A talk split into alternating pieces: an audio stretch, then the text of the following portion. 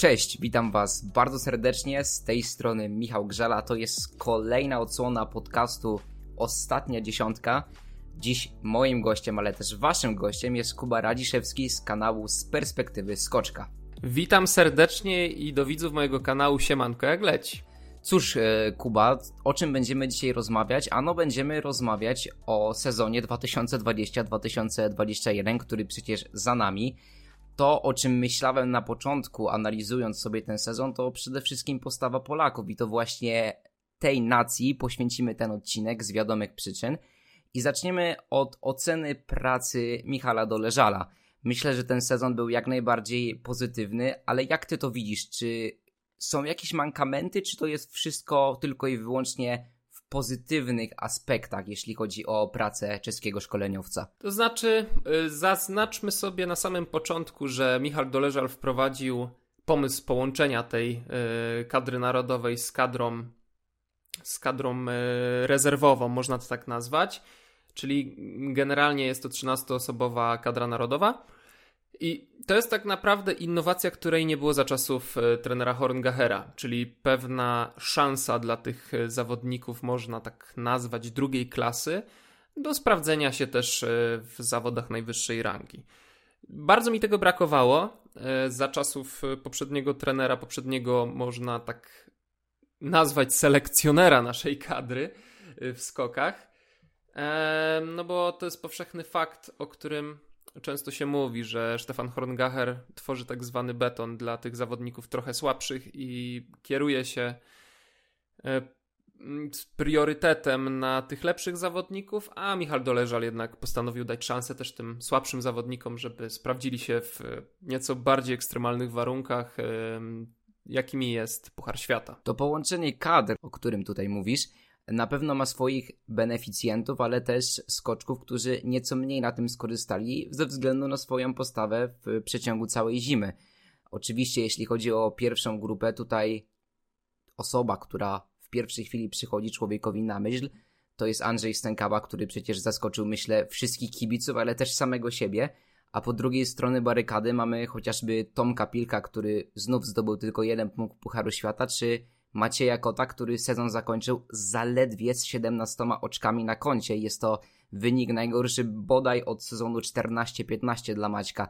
Jak ty to oceniasz ze swojej perspektywy? Kto najbardziej skorzystał na kadrze narodowej, a kto na niej stracił, czy po prostu od niej odstaje? No oczywiście, tak jak mówisz, największym beneficjentem e, tego rozwiązania Michała Doleżala jest niewątpliwie Andrzej Stękała, który przecież od y, sezonu bodajże 2015-16 nie pojawiał nam się w zawodach Pucharu Świata, a pamiętajmy, przecież to był ten jego pierwszy taki y, debiutancki sezon. Później naszą kadrą władał Stefan Horngacher właśnie i no Andrzeja nie mogliśmy oglądać w tych najważniejszych zawodach. Tak jak mówiłem, pojawił się pewien beton.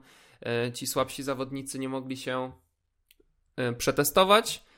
No i wtedy już pojawiły się y, rozmowy odnośnie kariery Andrzeja Stękały, jak to dalej będzie wyglądać, czy on rzeczywiście będzie dalej trenował, czy, czy jednak kolokwialnie mówiąc odstawi y, narty na kołek. No ale zaszła taka zmiana. Andrzej Stękała też y, dostał drugą, drugą szansę.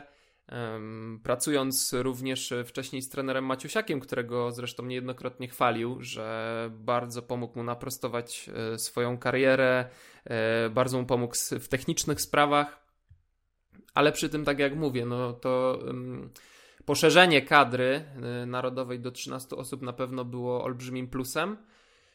No i tak jak mogliśmy obserwować w tym sezonie, Andrzej Stękała wielokrotnie punktował, a nawet i raz stanął na podium, ponieważ pamiętajmy, że zajął drugie miejsce w Zakopanem. Tak, to był naprawdę wspaniały konkurs, ale rozmawiamy tutaj przede wszystkim o członkach tej kadry narodowej, którzy jednak są mimo wszystko na uboczu, patrząc przez pryzmat takich skoczków jak Piotr Żyła, Dawid Kubacki i Kamil Stoch.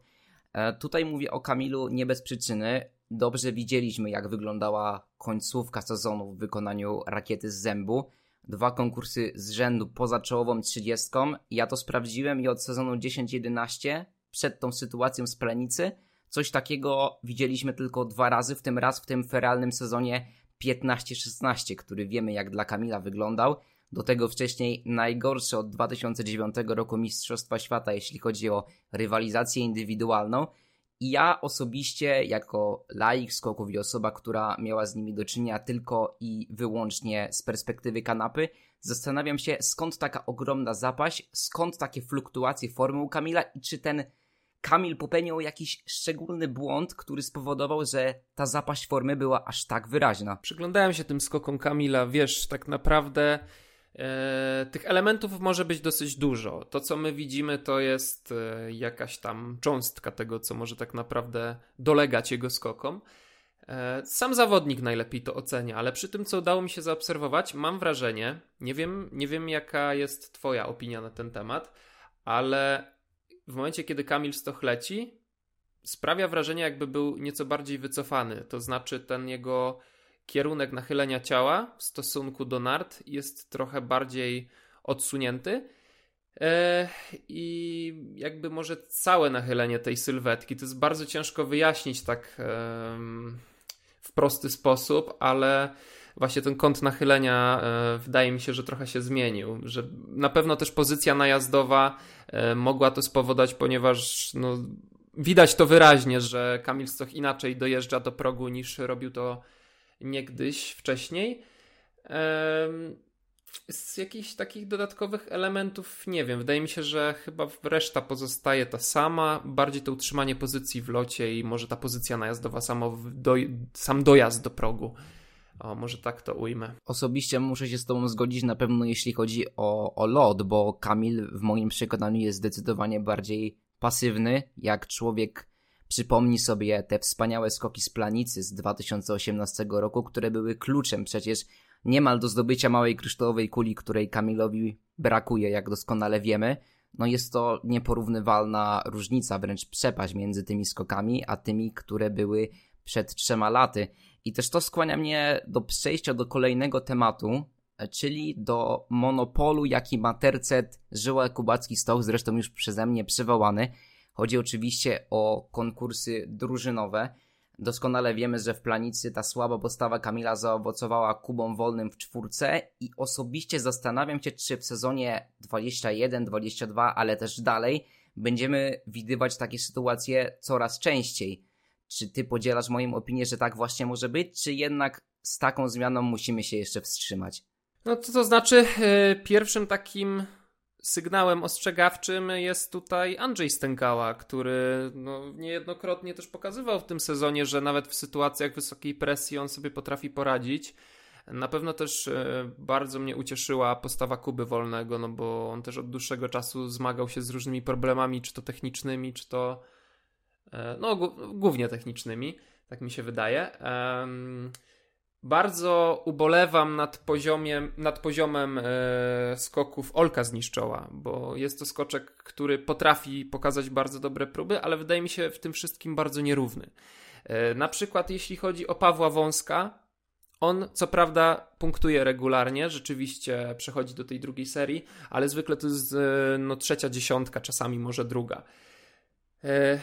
I w tym jest e, moim zdaniem problem, że rzeczywiście tych dwóch zawodników, czyli Wolny i Stękała, potrafią walczyć, ale brakuje tutaj takiego wsparcia. Właśnie Oleg zniszczał byłby takim skoczkiem, gdyby nieco więcej nad nim popracować i Paweł Wąsek. Oczywiście nie ujmuje tutaj e, im próbom w jakimś większym stopniu, no bo tak jak mówię, oni w pucharach kontynentalnych potrafią się pokazać z bardzo dobrej strony, a Paweł Wąsek nawet i w pucharze świata, no bo przecież nie każdy zawodnik e, regularnie punktuje, ale cały czas mi brakuje takiej iskierki w ich skokach. Że Paweł, wiem, że Pawła stać na o wiele lepsze rezultaty, bo ja też Pawła znam no, od wielu lat, też obserwowałem jego próby począwszy od tego, jak był yy, młodym chłopakiem i że rzeczywiście potrafił, tak brzydko mówiąc, kosić rywali.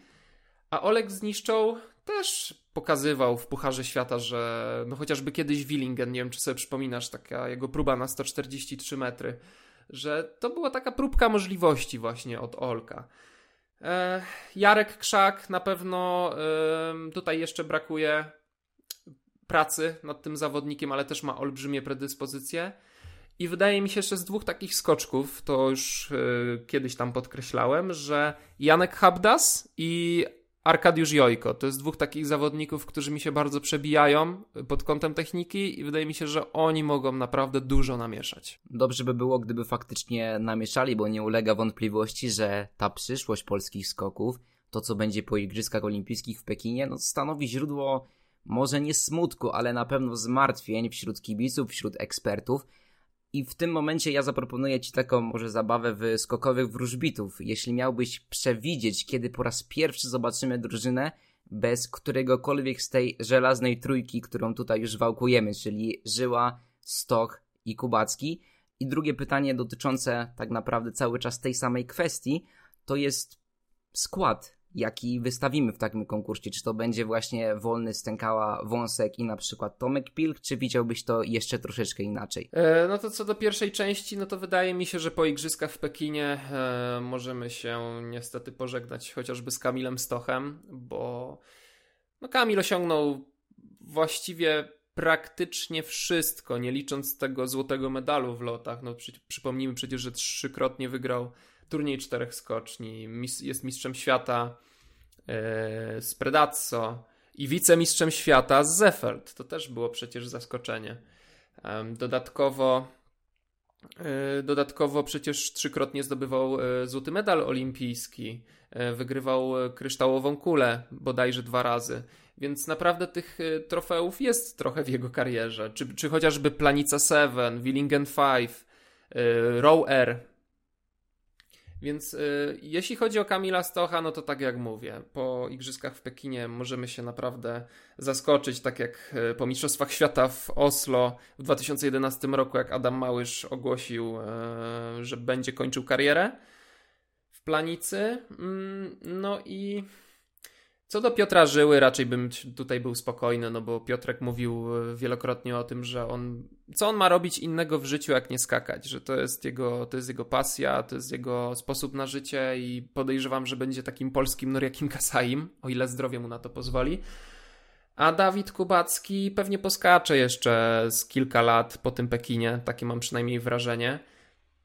No i bez Kamila Stocha podejrzewam, że będzie najszybciej wystawiany Wolny i Stękała, ale kto wie, może Klemens Murańka zaskoczy, może coś się stanie magicznego z formą Olka zniszczoła.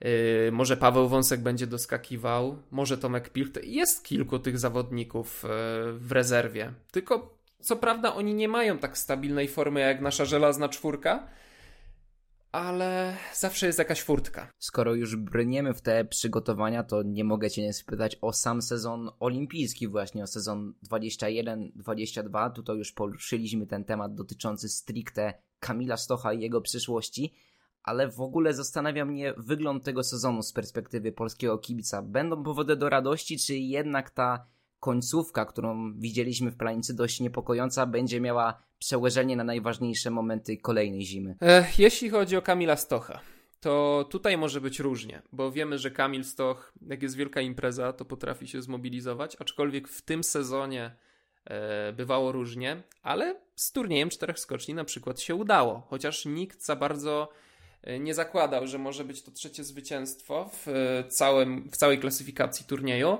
Bardziej e, ludzie obstawiali Halvora Egnera Graneruda, a jak, jak się stało, tak wszyscy wiemy. Co do igrzysk, wydaje mi się, że możemy mieć powody do radości. Tylko może nie w wykonaniu Kamila Stocha, ale na przykład w wykonaniu Dawida, w wykonaniu Piotrka. Być może w wykonaniu Andrzeja, chociaż u Andrzeja widzę jeszcze parę takich elementów, które mógłby poprawić. Nie wiem, czy ty się na przykład zgodzisz, że Andrzej Stękała ma mocne wyjście z progu, ale y, w drugiej części lotu leci taki nieco chyba wycofany, tak bardziej pasywnie. Wydaje mi się, że mógłby bardziej zaatakować narty i mm, trochę nieco agresywniej utrzymywać pozycję w locie, na pewno to by zaprocentowało, ale nie można mówić nigdy. Wydaje mi się, że mogą tutaj sporo namieszać. No I oby te igrzyska w Pekinie były dla nas jak najbardziej udane. Też tutaj wspomniałeś Piotrka i ja z tego miejsca życzę mu w końcu tego krążka na igrzyskach, bo myślę, że to będzie fajne dopełnienie tej już i tak wspaniałej kariery. I tym miłym akcentem dobrnęliśmy do końca dzisiejszej ostatniej dziesiątki. Moim i waszym gościem był Kuba Radziszewski. Dziękuję bardzo, trzymajcie się, na razie, cześć. Również dziękuję, trzymajcie się i do usłyszenia.